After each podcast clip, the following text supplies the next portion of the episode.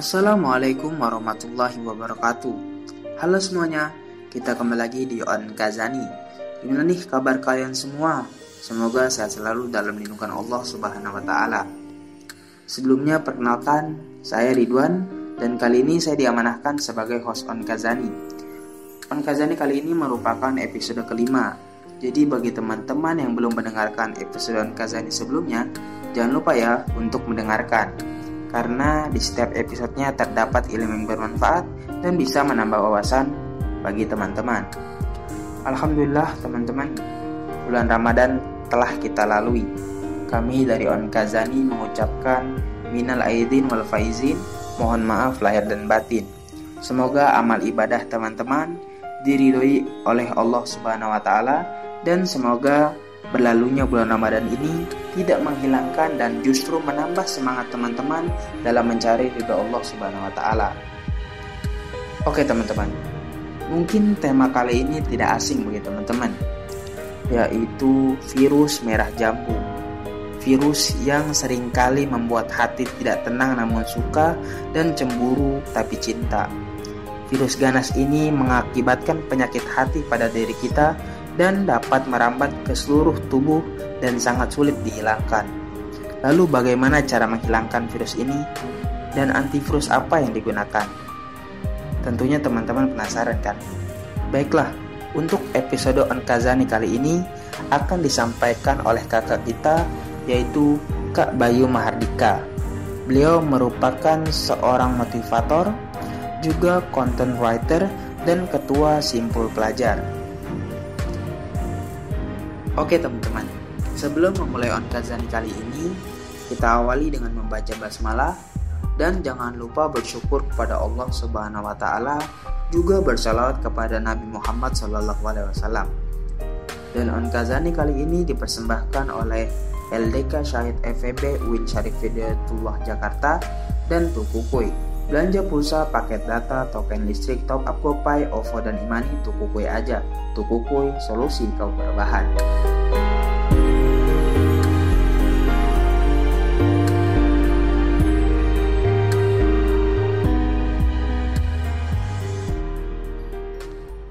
Bismillahirrahmanirrahim. Alhamdulillahirabbil alamin. Alhamdulillahilladzi hadana li hadza wa ma kunna linahtadiya laula an hadana Allah. Asyhadu an la ilaha illallah wa asyhadu anna Muhammadan abduhu wa rasuluhu la nabi wa la rasula ba'da. Rabbi israh li sadri wa yassir li amri wahlul 'uqdatam min lisani yafqahu qawli Wassalamualaikum warahmatullahi wabarakatuh. Alhamdulillah. Puji syukur kehadirat Allah Subhanahu wa taala. Alhamdulillah di bulan Syawal yang berbahagia ini di tengah pandemi ini kita masih diberikan nikmat sehat walafiat sebuah nikmat yang baru terasa begitu besar ketika kita merasakan sakit. Sebuah nikmat yang tanpanya kita tidak mampu ataupun tidak maksimal melakukan aktivitas-aktivitas dakwah. Dan tak lupa juga nikmat iman Islam yang merupakan nikmat terbesar yang Allah berikan kepada kita semua yang tanpanya kita mungkin tidak mengerti ataupun kita mungkin tidak pernah berkumpul di dalam lembaga dakwah kampus. Dengan nikmat Islam pula, kita bisa merasakan indahnya hidup di bawah naungan Islam. Dengan nikmat Islam pula kita bisa merasakan indahnya hidup dengan syariat-syariat Islam. Ketika aktivitas the new normal mewajibkan kita untuk senantiasa menjaga kebersihan, untuk senantiasa rajin cuci tangan, dan sejenisnya. Islam telah mengatur semuanya berabad-abad tahun lalu. Sebagaimana hadis disebutkan an-nazafatu minal iman. Kebersihan itu sebagai bagian dari bagian dari iman. Dan inilah indahnya syariat Islam. selalu ada hikmah yang menarik di balik pensyariatan suatu hukum. Dan dengan nikmat iman Islam ini pula kita bisa merasakan bahwasanya Islam adalah agama yang fitrah. Islam adalah agama yang penuh cinta. Bagaimana perasaan cinta, bagaimana rasa cinta yang tumbuh di dalam diri manusia tidak dihalangi. Akan tetapi Islam mengatur semuanya dengan indah. Islam memberikan jalan bagaimana kita harus mengaktualisasikan cinta dengan cara yang benar sehingga dengan aktualisasi cinta yang benar di sanalah yang membedakan antara manusia ataupun hewan. Perasaan terarah inilah aturan inilah yang akan membedakan antara manusia dengan hewan. Ketika tidak ada aturan, ketika tidak ada cara yang benar bagaimana mengaktualisasikan cinta, maka manusia akan menjadi seburuk-buruk yang makhluk bahkan lebih buruk dibandingkan dengan hewan. Dan inilah Islam, agama yang paling syumul, agama yang paling lengkap. Islam mengatur tentang cinta. Islam mengatur bagaimana kita mengaktualisasikan cinta. Dan perasaan terarah, perasaan diatur oleh Islam inilah menjadi salah satu anasir kebahagiaan, menjadi salah satu asbab kebahagiaan.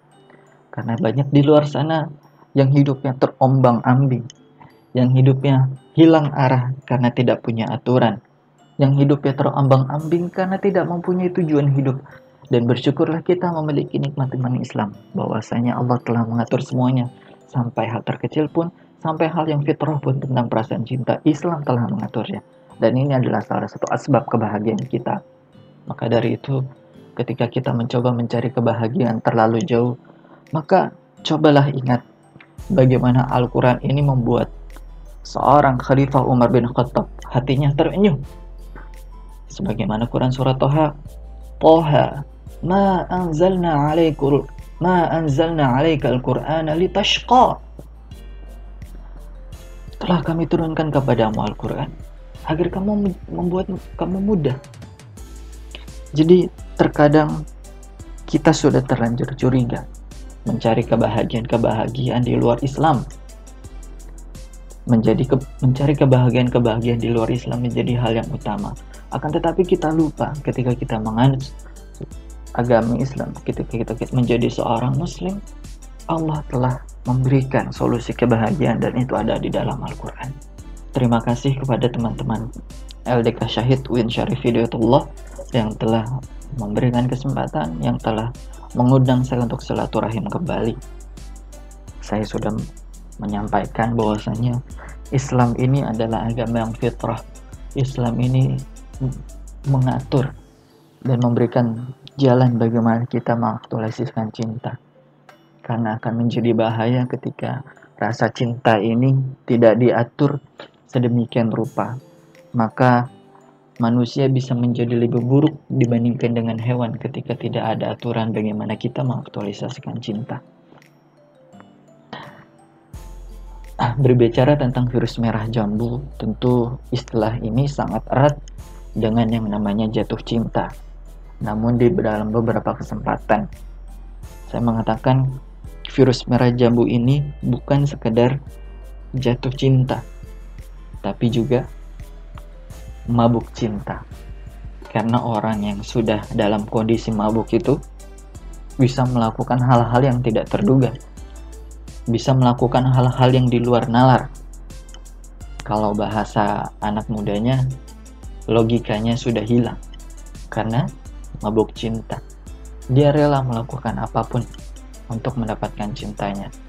Bahkan bagi seseorang yang imannya dikalahkan oleh mabuk cintanya, dia rela naudzubillah melakukan tindakan-tindakan kriminal untuk sekadar mendapatkan perasaan cinta.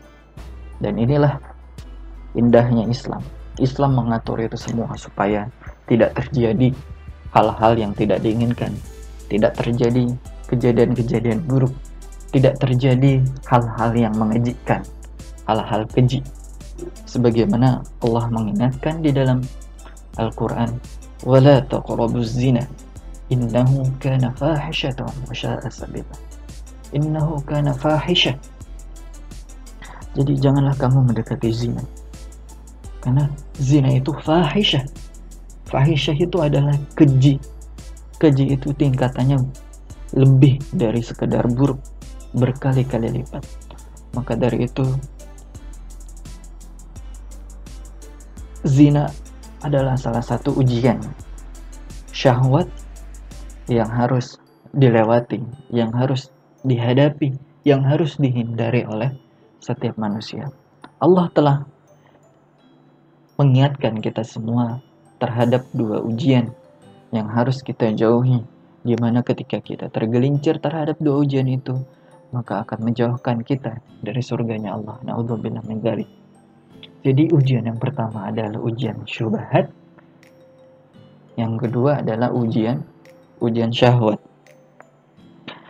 Ujian syubhat ini kata seorang ulama yaitu ujian yang menimpa bagian tubuh kita dari dada ke atas.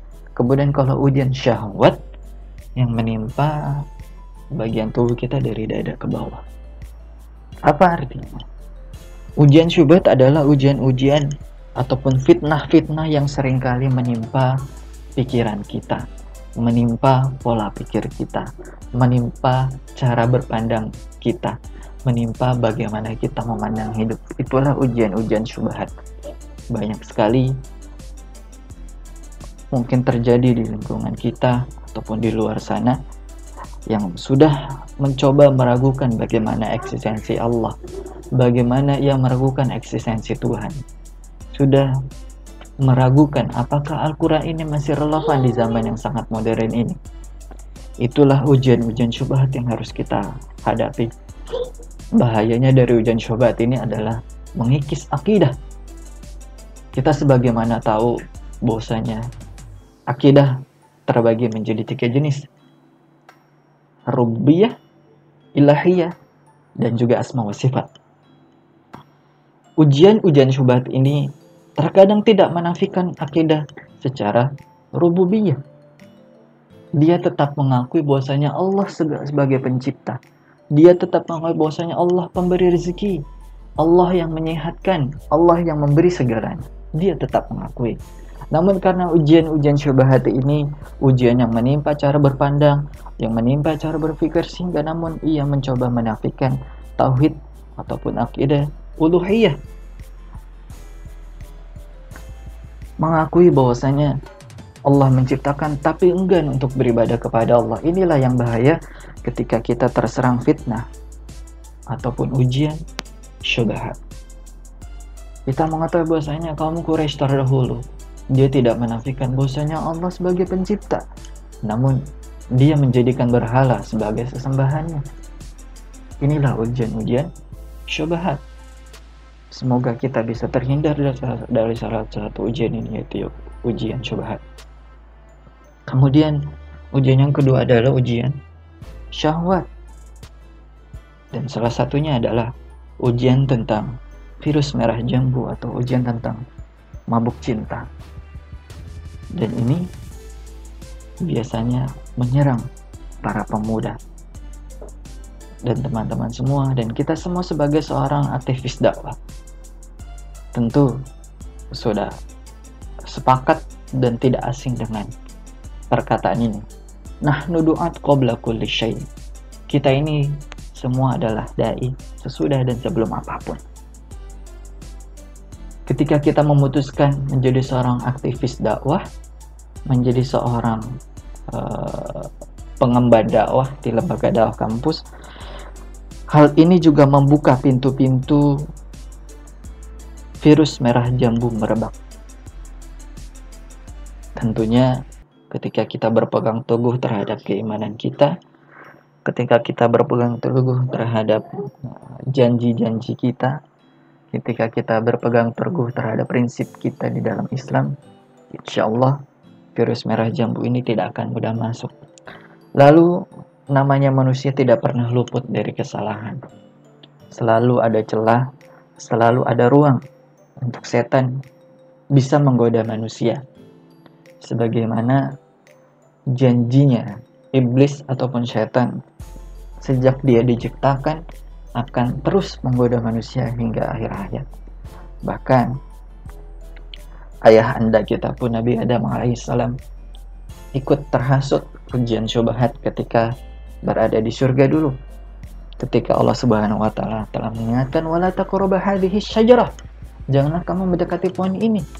Namun setan dengan tipu dayanya, setan dengan hasutan-hasutannya mampu menggoda ataupun istilah kerennya dalam anak muda sekarang itu mind blowing, mind blowing, mind blowing, sorry, susah sekali nyebutnya, mind blowing sehingga akhirnya uh, Nabi Adam alaihissalam bersama ibunda Siti Hawa memakan buah kuldi. Itulah tabiat dan juga uh, janji setan akan terus menggoda manusia hingga akhir zaman. Nah, kembali kepada virus merah jambu.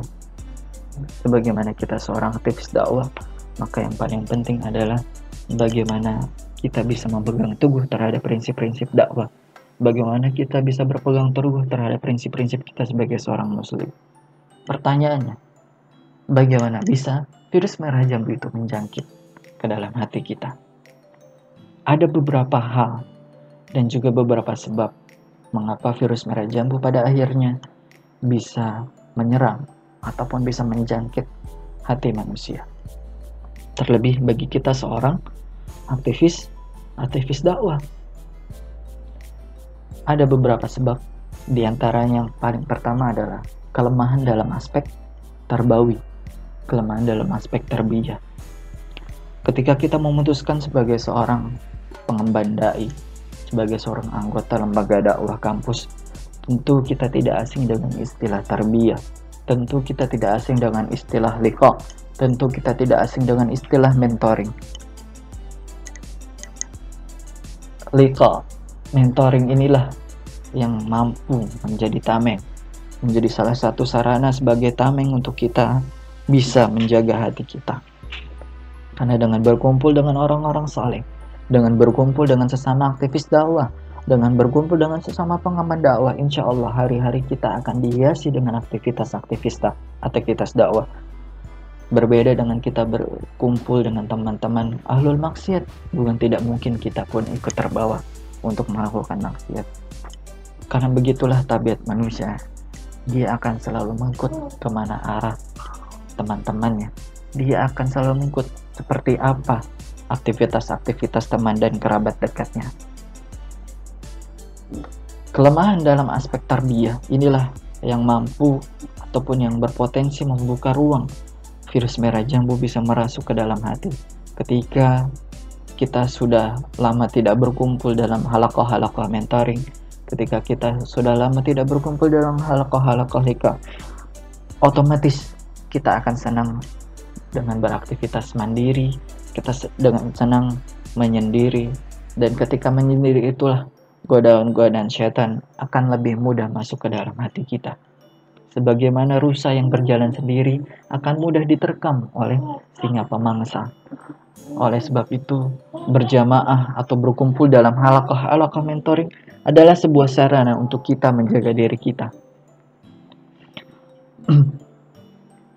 Bagaimana mungkin ketika kita merasa rapuh, masih merasa rapuh dengan berjamaah lalu kita memutuskan untuk hidup menyendiri, bukankah akan menjadi semakin rapuh?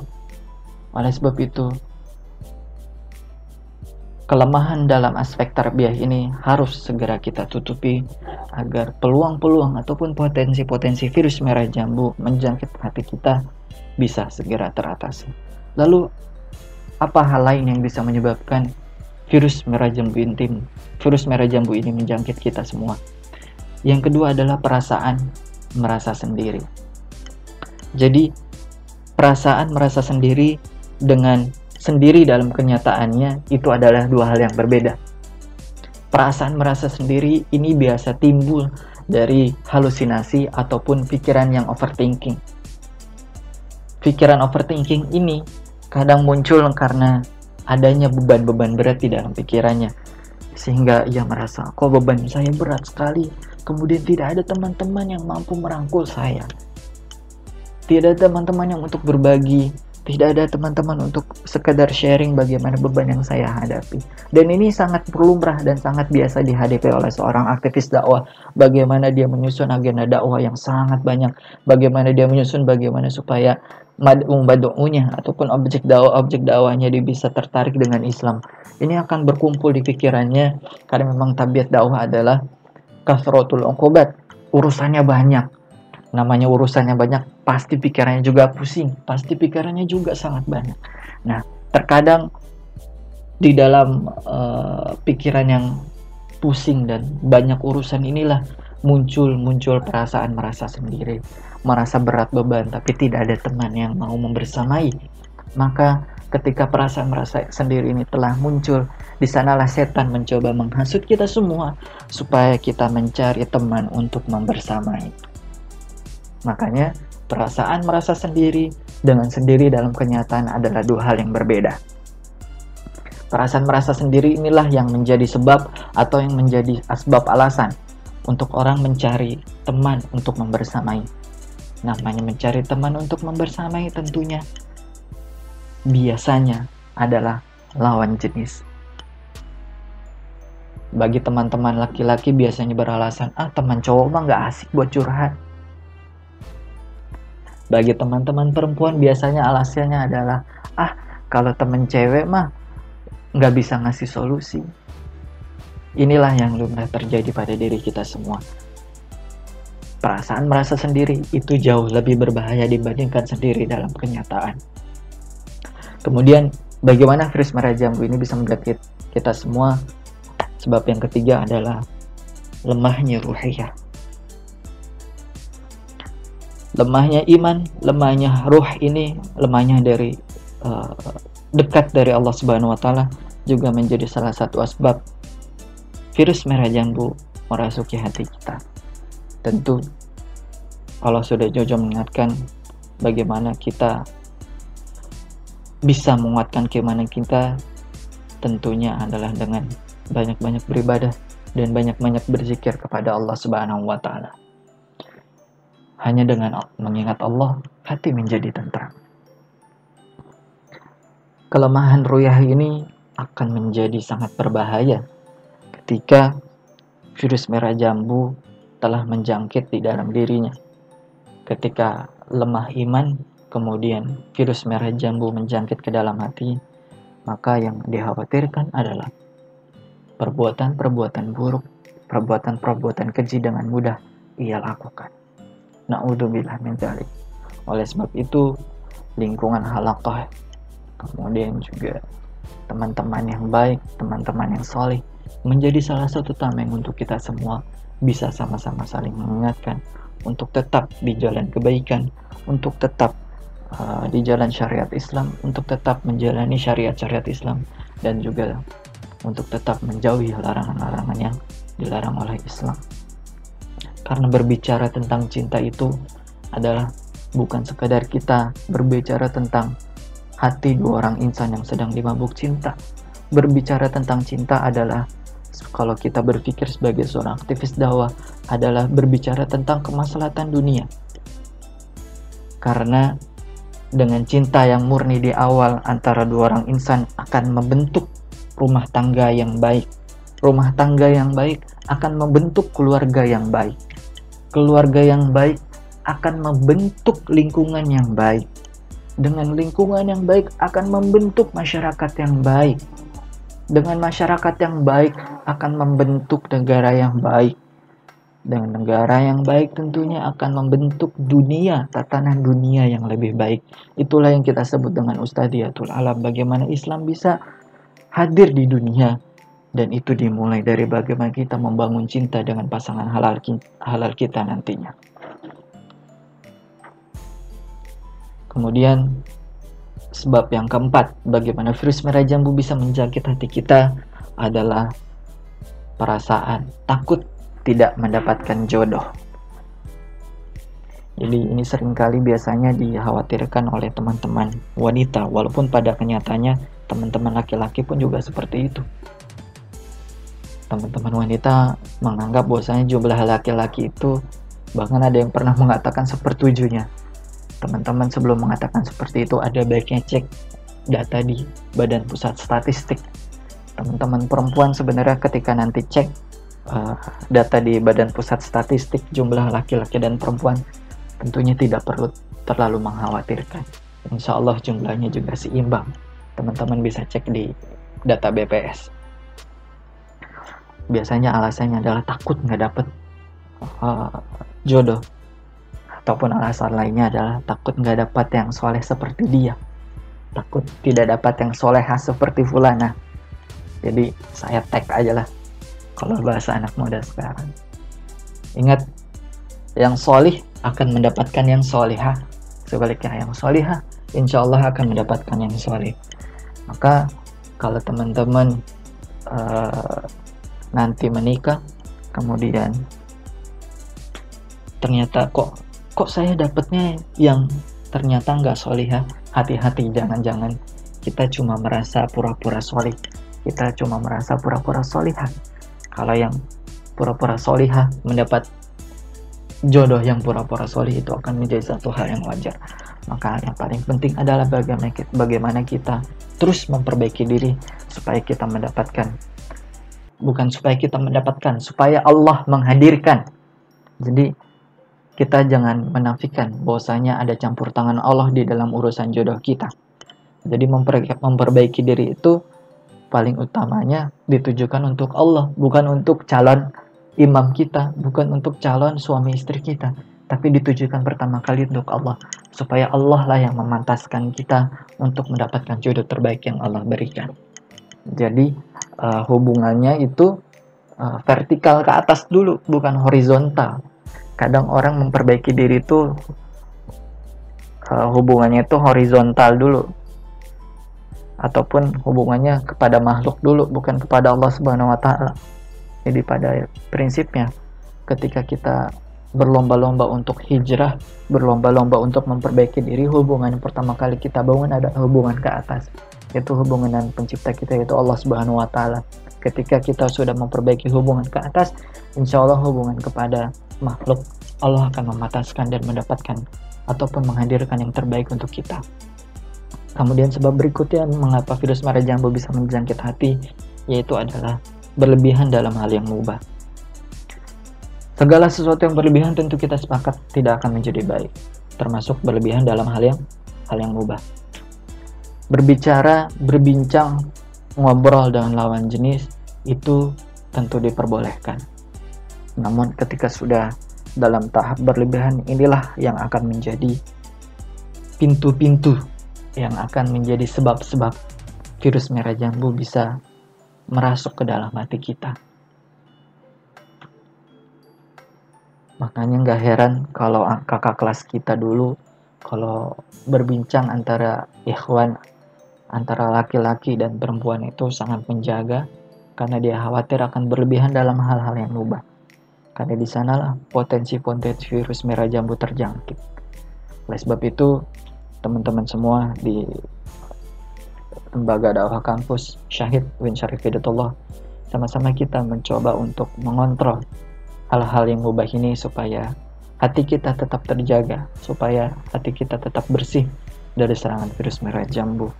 Jangan sampai kita terlalu asik ngobrol dengan lawan jenis sehingga dari sana muncul perasaan ingin terus bersama, perasaan ingin terus ngobrol, perasaan ingin terus dan terus berpikir terhadapnya sehingga memunculkan perasaan ingin memiliki dan juga ingin mencintai namun belum siap menikah pada kenyataan. Itulah beberapa sebab uh, bagaimana virus merah jambu pada akhirnya bisa menjangkit hati kita. Juga ada beberapa sebab lainnya seperti uh, sifat narsisme dan juga cemburu terhadap orang lain. Namun ini akan kita bahas mungkin nanti di uh, lain kesempatan. Lalu bagaimana sebenarnya kita mengelola hati supaya bisa terbebas dari virus merah jambu. Sebelumnya mungkin ada yang bertanya-tanya bagaimana sih ciri-ciri orang ter terjangkit VMG. Sebenarnya dari penjelasan tadi sudah sangat tergambar. Biasanya orang-orang yang sedang terjangkit virus merah jambu itu senang tampil. Tentunya dengan tampilannya ini dia mengharap sesuatu dari makhluk bukan mengharap sesuatu dari Allah Subhanahu wa taala. Orang yang sedang terjangkit virus merah jambu ini ketika sebelumnya mungkin sering berkumpul di halakoh, kini lebih sering menyendiri. Kini lebih sering bermesra-mesra dengan gadgetnya yang entah ada apa di dalam sana. Kemudian juga dengan orang yang sedang terjangkit virus merah jambu ini biasanya apa ya tadi senang menampilkan diri tadi ini salah satu ciri yang paling sering saya temui ketika membina halakah mentoring dulu di sekolah-sekolah. Lalu bagaimana mengelola hati? Waktunya sangat terbatas. Bagaimana kita mengelola hati ketika ternyata virus merah jambu telah menjangkit hati kita? Perlu kita ketahui menurut Ibnu Qayyim al-Jauziyah cinta itu dibagi menjadi tiga jenis. Yang pertama yaitu al-mahabbah fillah, cinta yang dilandaskan karena Allah Subhanahu wa taala. Kemudian yang kedua ada al-mahabbah al-ardiyah, cinta yang dasarnya adalah syahwat syahwat dunia. Kemudian yang ketiga ada al-mahabbah al-ishqiyah. Al-mahabbah al-ishqiyah adalah cinta yang menjatuhkan cinta yang menguasai ruh, jiwa, dan pikiran. Inilah salah satu cinta yang paling membahayakan. Kalau cinta karena Allah Subhanahu wa taala kita sudah banyak teladan-teladan yang kita bisa contoh bagaimana kisah uh, cinta dari baginda kita Nabi besar Muhammad Shallallahu alaihi wasallam. Ada juga kisah cinta yang menarik antara Nailah dan juga Sayyidina Utsman bin Affan. Jadi ketika itu Nailah yang masih muda ditanya, uh, sama Sayyidina Uthman bin Affan radhiyallahu an mengapa engkau mau menikah dengan saya. Padahal engkau masih muda. Saya sudah berusia senja. Kemudian Nailah dengan jawaban romantis yang mengatakan apa? Masa mudamu telah dihabiskan dengan Rasulullah untuk berjihad di medan perang. Biarkanlah saya menemani masa tuamu. So sweet banget. Masya Allah. Kira-kira masih ada nggak ya yang seperti itu di zaman sekarang?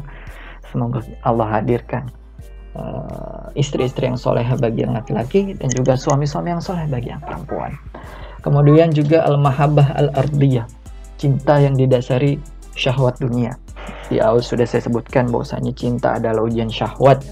Sebagaimana Allah Subhanahu wa taala juga telah mengingatkan di surah Ali Imran ayat 14. Zuyyina lin-nasi hubbus syahawati minan nisa'i wal banin ila akhiril ayat. Kemudian yang sedang kita bahas adalah termasuk kategori yang ketiga, al-mahabbah al-ishqiyah, yaitu cinta yang memabukkan. Namanya cinta yang memabukkan berarti sudah hilang akal sehatnya. Lalu pertanyaannya, bagaimana mengelola hati? Mengelola virus merah jambu yang telah menjangkit hati. Kembali Ibnu Qayyim al-Jauziyah memberikan dua obat yang pertama adalah obat yang pasti, kemudian yang kedua adalah obat alternatif. Apa itu obat yang pasti? Sebagaimana di dalam hadis disebutkan, Ya ma'syara syabab, wahai pemuda, manis amin kumul ba'ah, falyatazawwaj. Wahai para pemuda, barang siapa di antara kalian yang mampu menikah, maka menikahlah. Nah, ini adalah obat yang pasti bagi seorang yang sedang dimabuk cinta. Jadi tidak ada obat yang paling mujarab dibandingkan menikah bagi dua orang insan yang sedang jatuh cinta. Terlebih mabuk cinta. Kemudian juga di dalam hadis itu disebutkan karena menikah lebih dapat menahan pandangan lebih dan juga memelihara kemaluan. Tentu dengan menikah bisa menahan pandangan kita dan juga lebih memelihara pengenalan kita. Kemudian apa obat alternatifnya? Masih disebutkan di dalam hadis. Barang siapa yang tidak mampu, maka hendaklah ia berpuasa. Dan ini adalah obat alternatif. Jadi bagaimana mengukur standar kita layak ataupun mampu menikah ini juga menjadi satu bahasan khusus dan tentunya tidak akan cukup dibahas di materi ini. Lalu ketika rasa cinta itu hadir, virus merah jambu itu menjangkit di dalam hati kita, sedangkan kita merasa belum mampu untuk melakukan ataupun melaksanakan pernikahan, maka yang harus kita konsumsi adalah obat alternatif ini, yaitu adalah berpu berpuasa. Kemudian apa bagaimana uh, cara kita mengolah hati selanjutnya? yaitu dengan cara menundukkan pandangan ini juga mampu bukan sekedar mengelola hati, tapi juga mengelola mata dan juga pikiran. Dengan menundukkan pandangan, insya Allah kita akan lebih terjaga hatinya. Ini berlaku bukan hanya untuk laki-laki, tapi juga untuk para wanita. Bagaimana di era sosial media ini, kita sudah sangat bebas, kita sudah sangat uh, diberikan tools untuk berekspresi, untuk para wanita berhati-hatilah mengaktualisasikan diri di dalam sosial media. Kemudian yang selanjutnya adalah uh, menjauhi khalwat ataupun berdua-duaan dengan lawan jenis yang bukan mahram. Ini juga tentu tadi jangan sampai kita berlebih-lebihan dalam hal yang mubah seperti ngobrol dan sebagainya macamnya. Karena ini bisa menimbulkan efek domino ke mana-mana. Salah satunya adalah perasaan ingin berhalwat perasaan ingin berdua-duaan dengan yang bukan mahram Kemudian selanjutnya adalah kembali kepada halakoh-halakoh mentoring. Kembali saya tidak bosan-bosan mengingatkan halakoh mentoring menjadi salah satu tameng untuk kita semua. Halakoh lika menjadi salah satu tameng untuk kita semua untuk mencari teman yang soleh, mencari teman yang baik. Ketika muncul perasaan merasa sendiri, kembalilah kepada halakoh mentoring. Di sana, di sanalah teman-teman soleh kita berada. Di sanalah teman-teman seperjuangan kita berada salinglah bertukar pikiran, salinglah berpeluh kesah di sana. Dan insya Allah akan ada hadir, akan ada dan juga hadir solusi-solusi terbaik di dalam halakoh-halakoh mentoring. Kemudian yang selanjutnya adalah kembali kepada Al-Quran. Jadi kalau aktivis dakwah itu amalan-amalannya seharusnya bukan sekadar uh, membaca ataupun tilawah Al-Quran, tapi juga tidak lepas dari tadabur Quran Makanya saya menyarankan teman-teman semua di aktivis dakwah untuk uh, mempunyai program rutin, program rutin untuk mentadaburi Al-Quran. Jadi salah satu langkah awalnya biasanya coba deh beli Al-Quran Al-Quran Syamil kalau nggak salah namanya Al-Quran Syamil yang besar itu nah di sana banyak sekali ayat-ayat yang bisa kita tadaburi dan di sana ada indeksnya jadi kita bisa dengan enak melihat misalkan mau mentadaburi ayat tentang sains ada di halaman berapa di surat apa. Kita tinggal lihat enak sekali. Bahkan kalau kita mau mentadaburi ayat astronomi di dalam Al-Quran juga ternyata sudah ada. Yaitu berbicara tentang bintang Syi'ra kalau di Al-Quran disebutnya Syi'ra kalau di dalam dunia astronomi itu ada namanya bintang Sirius ini adalah salah satu ayat-ayat astronomi yang ada di dalam Al-Quran. Dan ini hanya kita akan dapatkan ketika kita mau mentadaburi Al-Quran. Nah, tadabur Al-Quran, tilawah Al-Quran adalah salah satu sarana untuk kita bisa mengobati hati kita. Jadi, dengan banyak menghiasi hati kita dengan Al-Quran, insya Allah pikiran-pikiran merasa sendiri, perasaan-perasaan cinta diiringi dengan kita ingin berpuasa, insya Allah perasaan itu akan mampu kita kendalikan sehingga hingga nanti pada saatnya kita merasa sudah siap untuk menikah, sudah siap untuk mengaktualisasikan cinta dengan cara yang benar, dengan cara yang Allah ajarkan, akan Allah hadirkan jodoh-jodoh terbaik untuk kita semua. Baiklah teman-teman, itu itu mungkin yang bisa saya sampaikan pada kesempatan siang yang berbahagia ini. Mohon maaf berlebih tapi rasanya kalau ada yang dipotong-potong akan ada sedikit yang kurang. Oleh sebab itu, mohon maaf jika berlebih, mungkin berlebih 10 menit dalam menyampaikan podcast materi ketika virus merah jambu menyampai ini. Semoga ada hikmah dan juga manfaat yang bisa kita ambil dan tentunya bisa kita terapkan dalam kehidupan kita sehari-hari. Selamat berjuang untuk para pemuda yang saat ini sedang memendam cinta Selamat berjuang untuk para pemuda yang saat ini sedang memperjuangkan untuk terus memperbaiki diri. Kembali tidak bosan-bosan diingatkan, memperbaiki dirilah untuk Allah, bukan memperbaiki diri untuk makhluk. Cukup sekian. Allahu a'lam bisawab. Al-haqqu min rabbik wa la takunanna minal mumtarin. Assalamualaikum warahmatullahi wabarakatuh. Alhamdulillahirrahmanirrahim Akhirnya selesai juga ya Kazari kali ini Semoga apa yang disampaikan oleh Kak Bayu Mardika tadi dapat bermanfaat untuk teman-teman semua dan menjadi telak ukur kita untuk merubah pribadi menjadi lebih baik lagi. Amin amin ya robbal alamin. Baiklah teman-teman, cukup sekian On Kazani kali ini. Sampai berjumpa di On Kazani selanjutnya. Wassalamualaikum warahmatullahi wabarakatuh.